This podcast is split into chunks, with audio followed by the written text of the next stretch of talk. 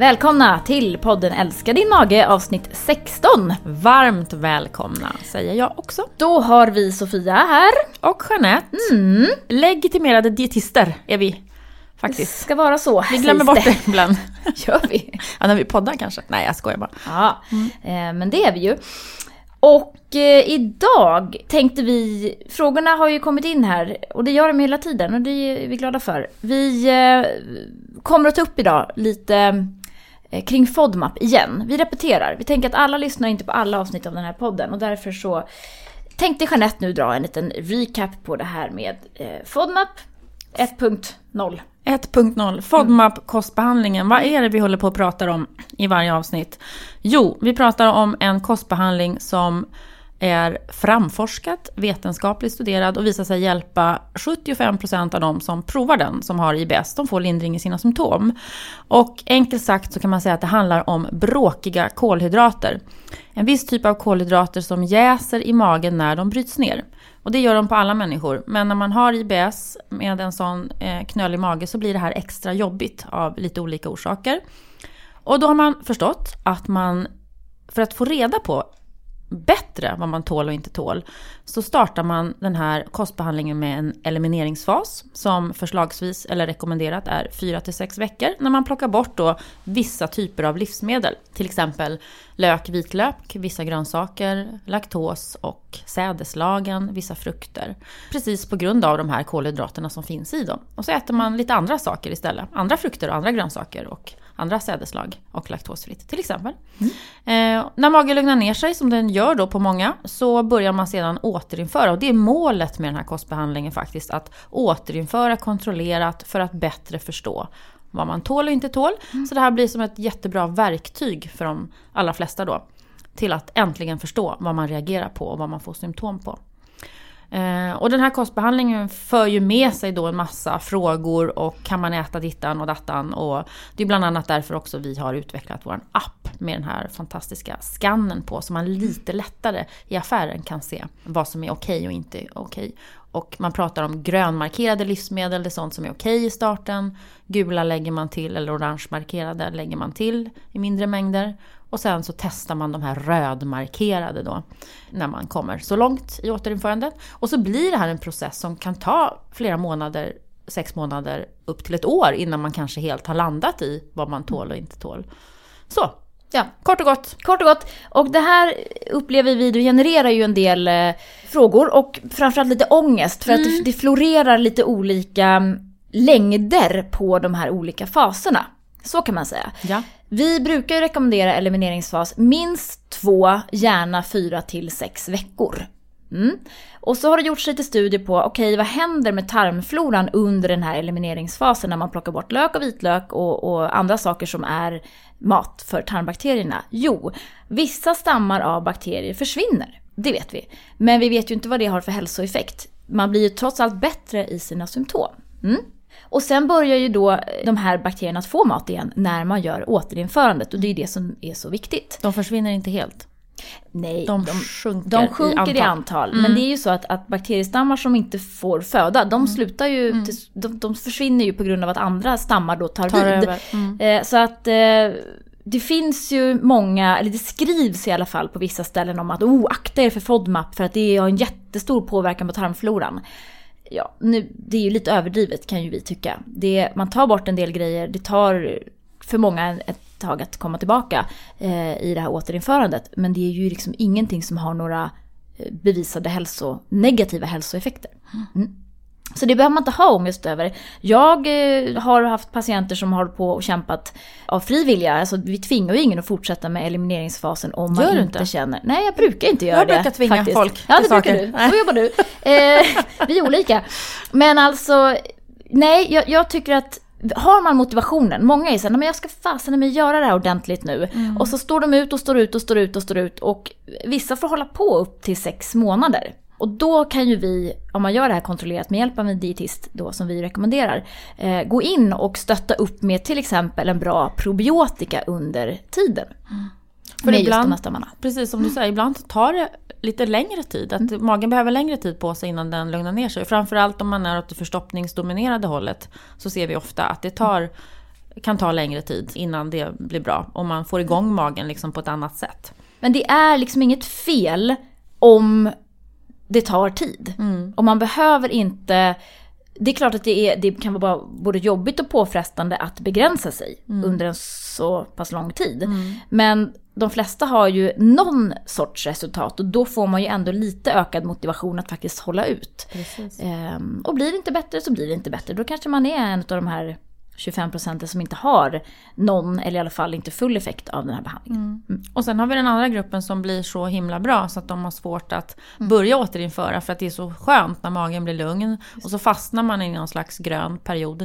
Eh, och där får man ju försöka eh, milt och bestämt att pusha på för att, att börja återinföra. Milt och bestämt. Ja. Snällt och Mm. bestämt kan man vara. Kärleksfullt, pusha på för att man ska börja plocka in igen så att man inte forever fastnar i den här gröna perioden. Nej, för troligtvis klarar man ju av ganska stor eh, andel av de livsmedel som är i alla fall orange markerade. Ja, Ja, Jag brukar säga ibland att försök att tänka om de orangea som att de är nästan gröna så att man ska slippa den här, och hjälp kommer jag reagera nu när jag börjar ta de här orange markerade. Ehm, tänk på dem som gröna intill motsatsen är bevis när man börjar lägga tillbaka dem. Och sen när man börjar med de röda, när det blir liksom lite allvartestning, för då är det ju att göra lite som en, en provokation. Man ökar mängden och man ska se om man får ett utslag. just det. Som man, ungefär som man har en allergi så gör man lite på samma sätt då. Just det. Men det, det här finns lite olika siffror på det här och ni kanske går till andra dietister där ute i landet och då kan siffrorna vara lite olika beroende på hur man jobbar och sådär. Men vi rekommenderar ju i alla fall 4 till 6 veckor. Eh, upp till 12 veckor är absolut inget problem och behöver man längre tid så löser man ju det också. Mm. Man är liksom olika. Alla är vi olika. Mm. Bra! Eh, då har vi eh, fått en liten recap på eh, det där och besvarat då just de frågorna som gäller Vad elimineringsfasen. FODMAP är. Ja. Jag vill prata om godis. ja men alltså jag misstänkte det. Jaså? Mm. Varför det? Den lilla godisråtta. Ja, precis.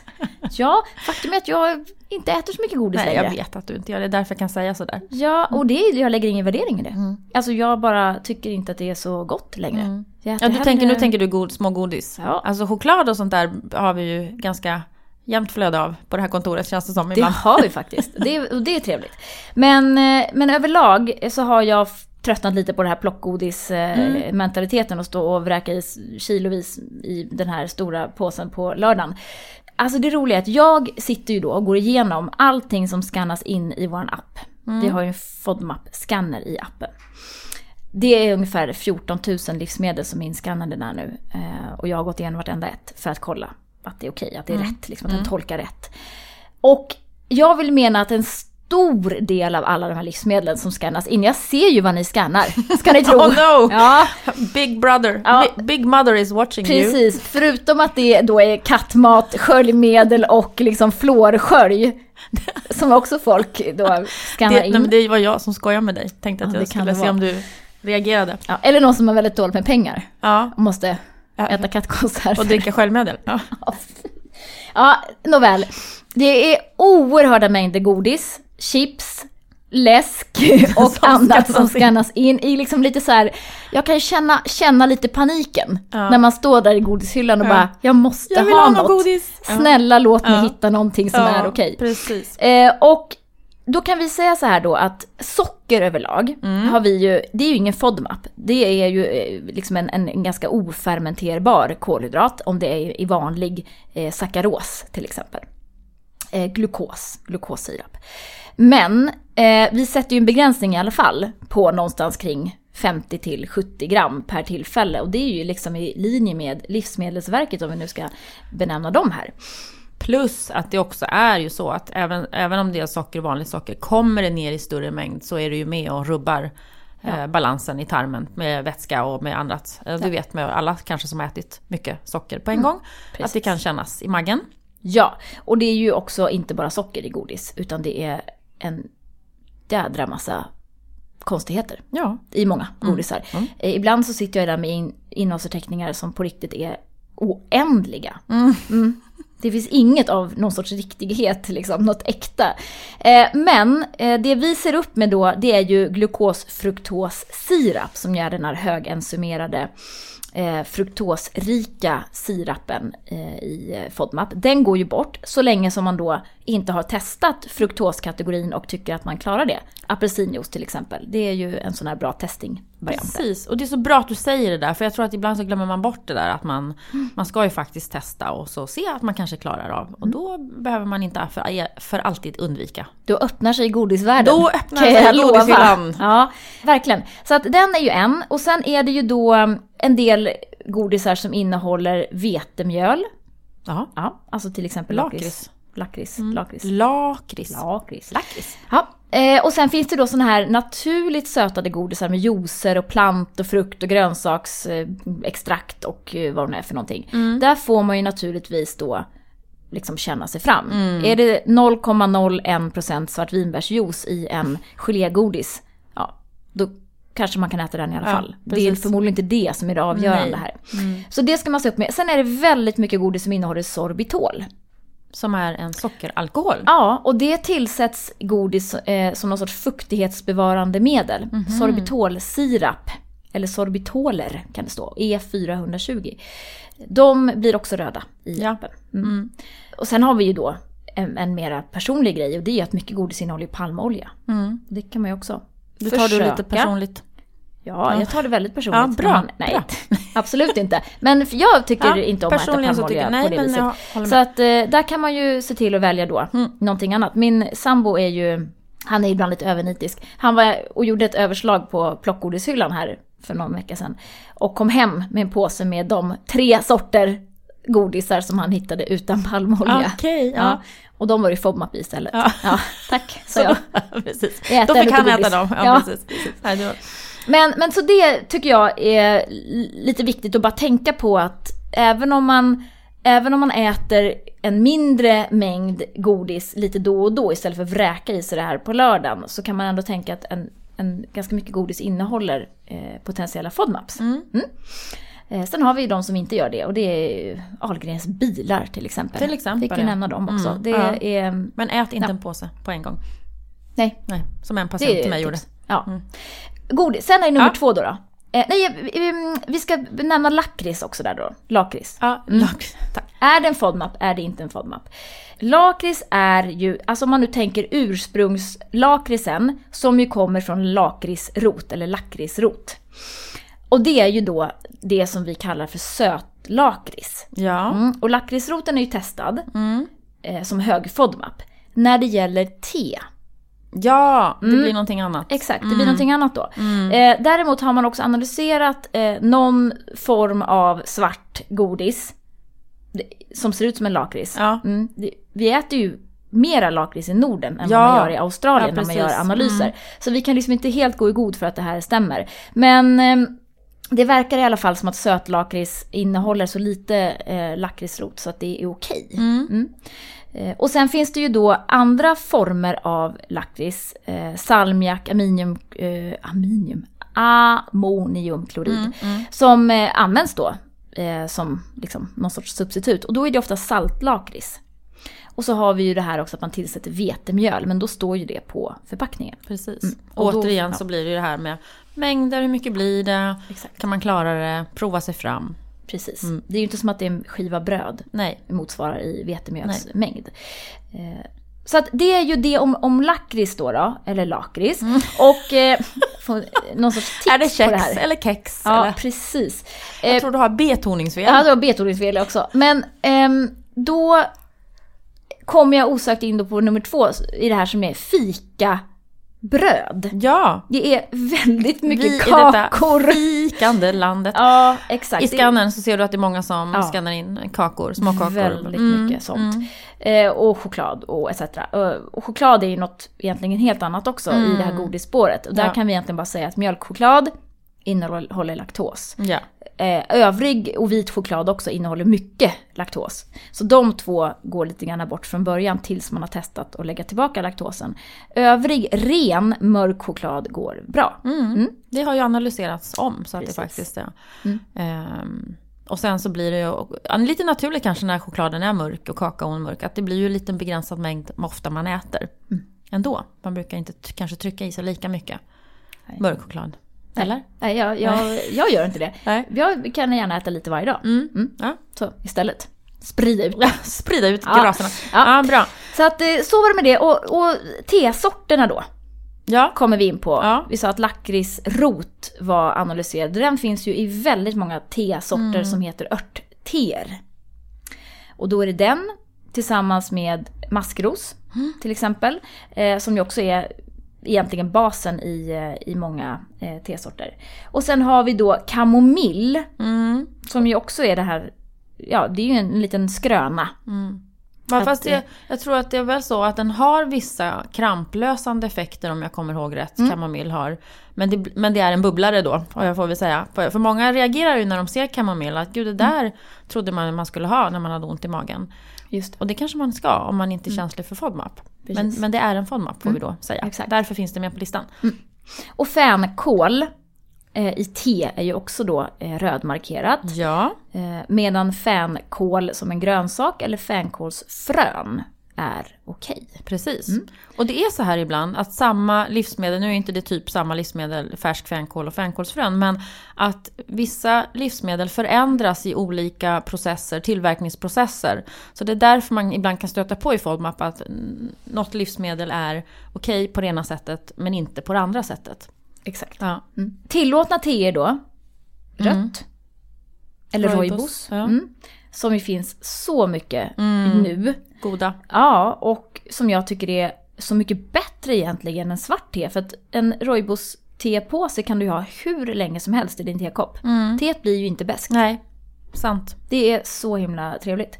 Ehm, och vitt te, som ju är den här späda, späda bladen. Överst på, busken. Ja, precis. Eh, väldigt antioxidantrika ska de ju vara. De är bra. Medan då, och, och grönt te funkar ju också. Pepparmyntste. Svart te kan man väl, har vi valt i alla fall att lägga då under de Orange. begränsade. Mm, begränsade. Så de kan man vara lite försiktig med. Mm. Och det är ju lite det här också när man är då startar där i elimineringsfasen. Lite var man befinner sig. Liksom, dricker man en kopp te om dagen och svart te och absolut inte kan låta bli det. Ja men behåll den då eh, till att börja med. Se om Exakt. du får en så bra förbättring som du vill ha. Men är man liksom, har man en snabb mage och vet med sig att man dricker sju koppar kaffe om dagen. Ja men då är det läge att dra ner. Så det är lite att känna av där var man är någonstans.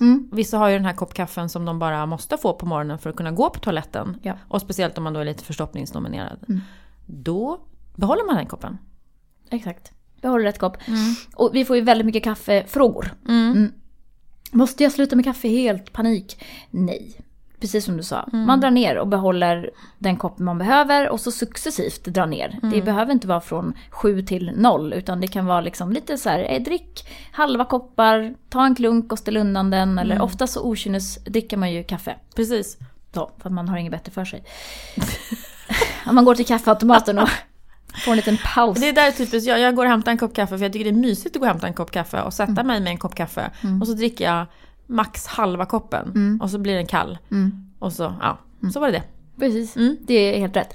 Ehm, jag fick en fråga häromdagen om koffeintabletter. Ja. Om de är lika eh, illa för tarmen då, FODMAP-mässigt, som kaffet. Och det är ju så att det är ju inte bara koffeinet i kaffe som man har sett eh, ökar tarmrörelserna, tarmmotoriken. Det är någonting annat, man vet inte riktigt. Så att ja, det är väl okej att äta en koffeintablett om man känner att man verkligen har behov av det.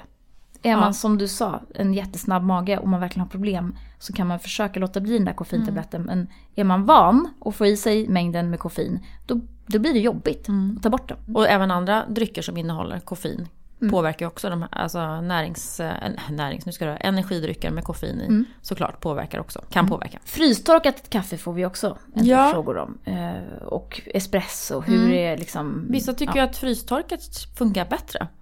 Och koffeinfritt funkar bättre. Och det kan man också laborera lite med då. då och, eh, vad man tycker där. Mm, Det är styrkan. Doppa tepåsen lite kortare i teet. Då får man ett svagt te. Ja, och så blir det. det inte lika mycket FODMAPs. Ja. Låt den inte ligga där så länge det inte är rött då. då.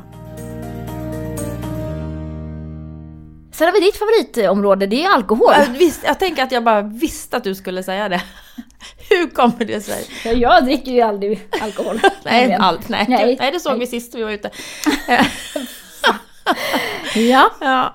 Eh, nej, men det är en sån vanlig fråga, eller, och, och förstå, det förstår man ju också att det är en sån fråga som kommer upp. Hur gör jag med alkohol? Eh, för alkohol är ju en liksom känd irritator i magen för vissa. Eh, men då kanske att det händer saker också mera uppe i magsäcken. Att det är liksom en känslighet där uppe. Eh, alkoholen är stark. Och sen att den påverkar tarmmotoriken gör alkoholen också. Dricker man väldigt stora mängder alkohol så kan man få en känsla av att bli mera förstoppad eller magen jobbar, tarmarna jobbar långsammare. Medan en, en mindre mängd eller sån moderat mängd, vad nu det är, eh, icke definierat, ehm, kan göra att man blir lite, tarmarna jobbar lite snabbare. Så det kan gå åt båda hållen. Men alla kanske känner till, eller de flesta kanske känner till att man har, om man har druckit eh, alkohol och lite mer alkohol, att man känner av det i magen eh, dagen efter.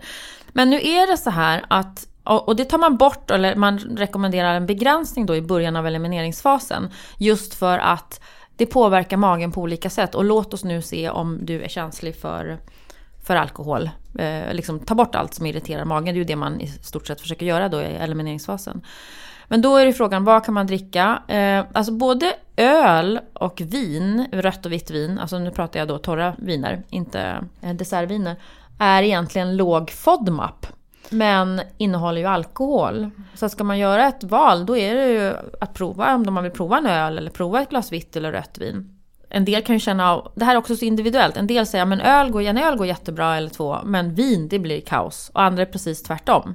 Och de reagerar på, på bubblorna kanske också i ölet, tycker att det blir jobbigt i magen. Och de kan hellre ta ett glas vin. Vissa kan klara av att ta en alltså alkohol, en drink. Men då ska man ju se upp med vad det är som blandas i drinken. För där kan det ju plötsligt bli eh, läsk med fruktos, glukossirap eller andra saker som blandas i den här drinken som gör att det blir hög i FODMAP. Men just öl och vin är faktiskt låg FODMAP. Och det är ju på grund av att till, i öl till exempel då att sädeslagen fermenteras ju under processen. Den bryts ju ner och bildar alkoholen. Så därför har ju de här fibrerna eh, försvunnit eller blivit färre. Så man behöver ju faktiskt inte, eh, om man inte är glutenintolerant, gå efter en glutenfri öl. För det är ju inte det vi jagar efter heller, glutenet, när vi pratar FODMAP. Så var det tydligt och klart? Ja, det var väldigt tydligt och klart. Frågor på det? Nej, frågor på det. Jag har eh, läst lite grann om det här med eh, bakfylla. Ja. Och eh, bakismat. ja. Det vet man ju alla. Eh, eller ja, bakismat. Det kan ju också komma så här på väg hem från krogen. Mat. Så kan det bli. Mm, att det är fett liksom. Många blir enormt hungriga och sugna och på fett och sådär. Forskarna har ju inte riktigt kunnat förklara varför det blir så här. Vad är det för någonting i kroppen som gör att man faktiskt blir eh, så sugen på skräpmat helt enkelt när man är Ja, bakis? man undrar ju. Man undrar. Eh, och då är ju eh, det så att de har gjort eh, studier nu på eh, möss. Och knäckt lite grann en Möss nöken. som har partat. Precis. Då har de gjort en studie eh, på, på möss och då har de givit dem eh, samma mängd alkohol då som skulle motsvara ungefär eh, en och en halv flaska vin på en kväll. Mm. Ja, det är ju rimligt. Mm. Jag skulle ha bakis i två veckor efter om jag drack så mycket. Men ja, okej. ja, jag blir också bakis. Ja, alltså toleransnivån är ju ganska Inte- låg just ja. för tillfället. Ehm, men, och då är det något som heter AGRP-neuroner i hjärnan som aktiveras. Eh, och och de, den typen då, det, det är precis samma neuroner som aktiveras vid svält och som framkallar intensiva hungerkänslor.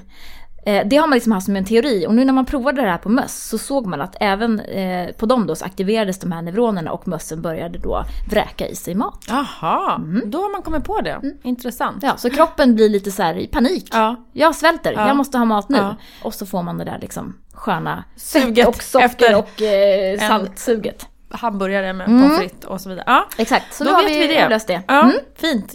Då har vi ju varit lite runt omkring här i våra FODMAP hacks och informationer. Men du förresten, fika? Ska inte du tipsa om fikabröd? Du nämnde lite kort om fika. Ja. Alternativ. Fika och så gick jag rast över till Alkohol. Ja, alkohol. Jag vet inte vad det var. Jo, men precis, tillbaka till fikan. Vi får ju väldigt mycket eh, frågor om när man är bortbjuden hos någon och hur jag ska ut på fika på stan och, och sådär. Och jag ser ju också det i skannen att det är väldigt mycket som skannas in. Och Här är det ju lite klurigt för att här finns det ju många, liksom, många fällor man kan gå i. Eh, dels är det ju sädeslagen, att mycket fika, bullar, kakor och så här innehåller ju vetemjöl primärt. Sen är det ju också då en del socker och ganska mycket fett. Så de som är fettkänsliga, för det kan man ju också vara, eh, kanske då inte klarar att äta en chokladbiskvi där det är så smörkräm i. Nej, då ballar magen ur. Så att eh, vi brukar ju då tipsa om, alltså mitt favoritafik, favoritfikabröd bröd. är eh, chokladbollar. Hemgjorda. Mm. Det är ju så gott. Alltså, Lägg av vad gott. Eh, typ havre, såna. jaha. Ja. Bara havregryn. Ja, och eh, kakao och smör. ja. Och lite vaniljpulver. Eller? You go girl. Ja, det är så gott. Och man kan göra dem så små. Ja. Alltså man kan göra så mega små så man bara kan ta en och så en till. Oh, Om man vill. Det finns ju de här, har du, men den har vi pratat om. Ja, nej, av de här Coop, hemska... eh, Ja, har inte de tag. slutat med dem? Jo, hade en sån här oh, ett ja. kilos eh, chokladboll som såg helt vulgär ut när Ja. den låg i disken. Jag hade- gillade dietister inte. Nej, Nej. jag köpte en sån en gång för jag skulle ha med mig det på en föreläsning. Bara för att visa så här, tada!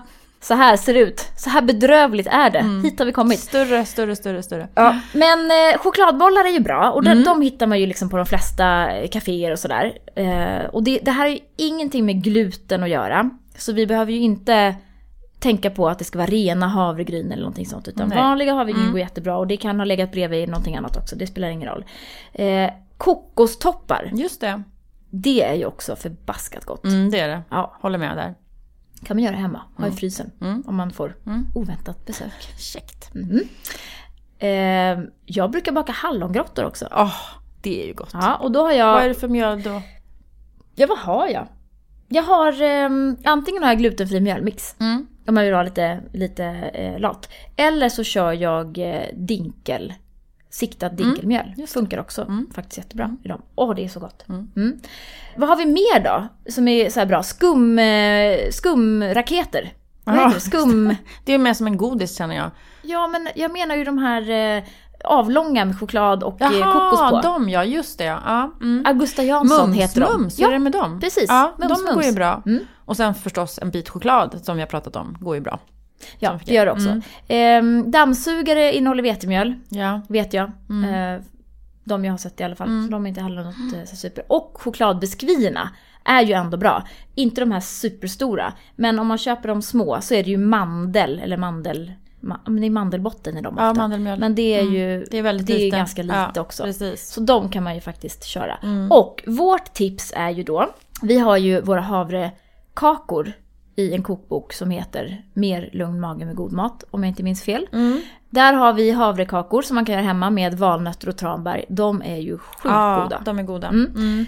Ha, gör, gör gärna lite kakor och ha det hemma. Och ta med er när ni ska bort. Mm. För att det är så ofta man sitter där vid fikabordet hos någon. Och så ska man försöka säga nej och så säger man nej några Och gånger. så trugas det. Ja, och till slut så säger man "Ah, Ja. okej jag tar en kaka då. Precis. Och det blir ju inte bra för magen. Nej. Så att ta gärna med och när man ska ut på café också, fan ta med en kaka ut. Fan, ta med en kaka. Fan, gör det. Ja men de kan Ja. faktiskt inte Nej. säga någonting. Nej. Har de inget bra alternativ själva på kaféet, då får man liksom eh, stå ut med det. Nu är det semmeltider snart. Oj. Gud förbjude. Ja. Nej, det är ju En vansinnigt sån här små semlor tycker jag är god. Alltså det tycker jag. Ja. De här petit. Ja. De är lagom. De med vetemjöl i. Man kan baka egna, det har vi faktiskt på Recept hemsidan. på hemsidan. Yes. Med dinkelsikt. Siktad dinkel. Återigen då, planering, förberedelse, det är ju superviktigt. För att inte hamna i den där, uh-oh, jag har inget med mig, inget Ja. alternativ, jag tvingas äta även om ingen tvingar. Och apropå planering och förberedelse så måste jag ju kila nu.